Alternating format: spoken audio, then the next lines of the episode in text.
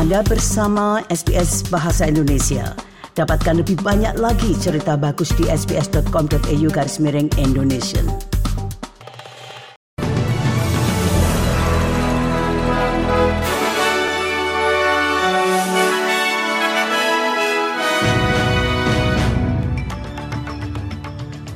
Deputi Gubernur Bank Sentral Michelle Palok telah dikonfirmasi pada hari Jumat sebagai pengganti Philip Lowe yang akan mengundurkan diri pada bulan September ketika masa jabatan tujuh tahunnya berakhir. Bendara Jim Chalmers mengatakan rekomendasinya untuk tidak memperpanjang masa jabatan Philip Lowe bukanlah tentang kinerja dari Philip Lowe. Chalmers telah mengatakan kepada ABC bahwa keputusannya melengsarkan Lowe berdasarkan kekuatan yang dapat dibawa oleh Michelle Palok ke masa depan Reserve Bank. Oh, look, my decision, uh, which was announced on Friday, my, re- my recommendation to the Cabinet and the Cabinet's decision, was all about you know, how do we make the Reserve Bank the best version of itself. That's the motivation for the Reserve Bank review. Banyak ekonomi dikejutkan oleh kekuatan pasar tenaga kerja dengan peningkatan pengangguran kembali turun di bulan Mei menjadi 3,6 persen dari 3,7 persen di bulan April. Ada sekitar 76 ribu pekerjaan yang ditambahkan ke dalam perekonomian.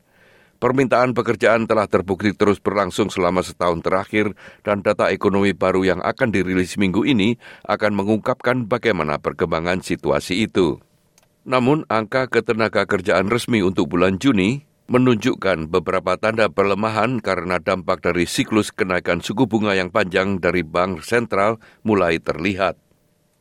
Sekitar 330 ribu warga Victoria mengalami kerugian akibat perjudian setiap tahunnya dan merugikan negara sekitar 7 miliar dolar.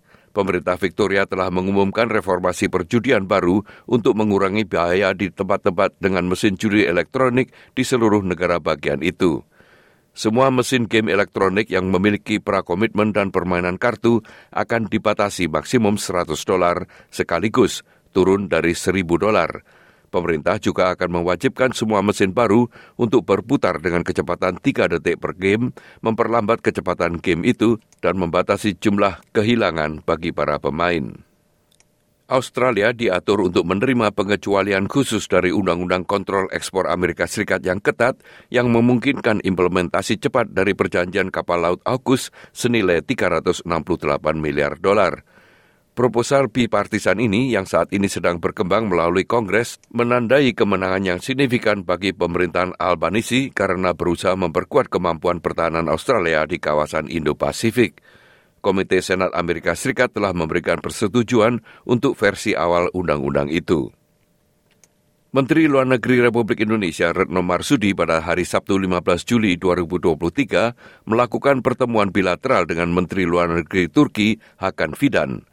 Pertemuan ini untuk membahas berbagai isu seperti Islamofobia dan reformasi Dewan Keamanan Perserikatan Bangsa-Bangsa.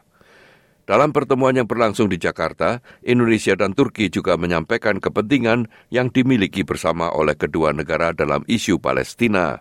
Pertemuan tersebut juga untuk membahas berbagai tantangan global, termasuk Islamofobia dan aksi pembakaran Al-Quran yang telah berulang kali terjadi di Swedia. Insiden terbaru adalah pembakaran Al-Quran yang dilakukan di sebuah masjid di Stockholm yang dilakukan bertepatan dengan Idul Adha bulan Juni yang lalu.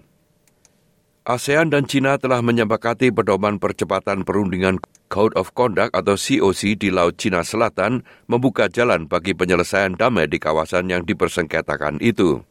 Dalam pertemuan di Jakarta, kedua belah pihak mendukung pentingnya berkolaborasi dengan mencari solusi damai di kawasan yang dipersengketakan. Pertemuan itu juga digunakan oleh Australia untuk meminta China menghapuskan tarif atas impor produk-produk Australia.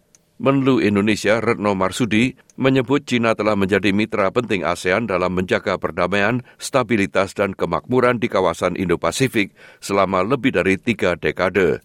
China merupakan mitra dagang terbesar ASEAN, begitu pula sebaliknya dengan nilai perdagangan mencapai 975 miliar dolar Amerika Serikat. China juga merupakan sumber investasi asing langsung terbesar keempat di ASEAN dengan nilai 13,8 miliar dolar Amerika Serikat pada tahun 2021. Badan Keamanan Rusia FSB mengatakan pada hari Sabtu bahwa pihaknya telah menggagalkan dugaan plot yang didukung oleh Ukraina untuk membunuh dua jurnalis terkemuka Rusia.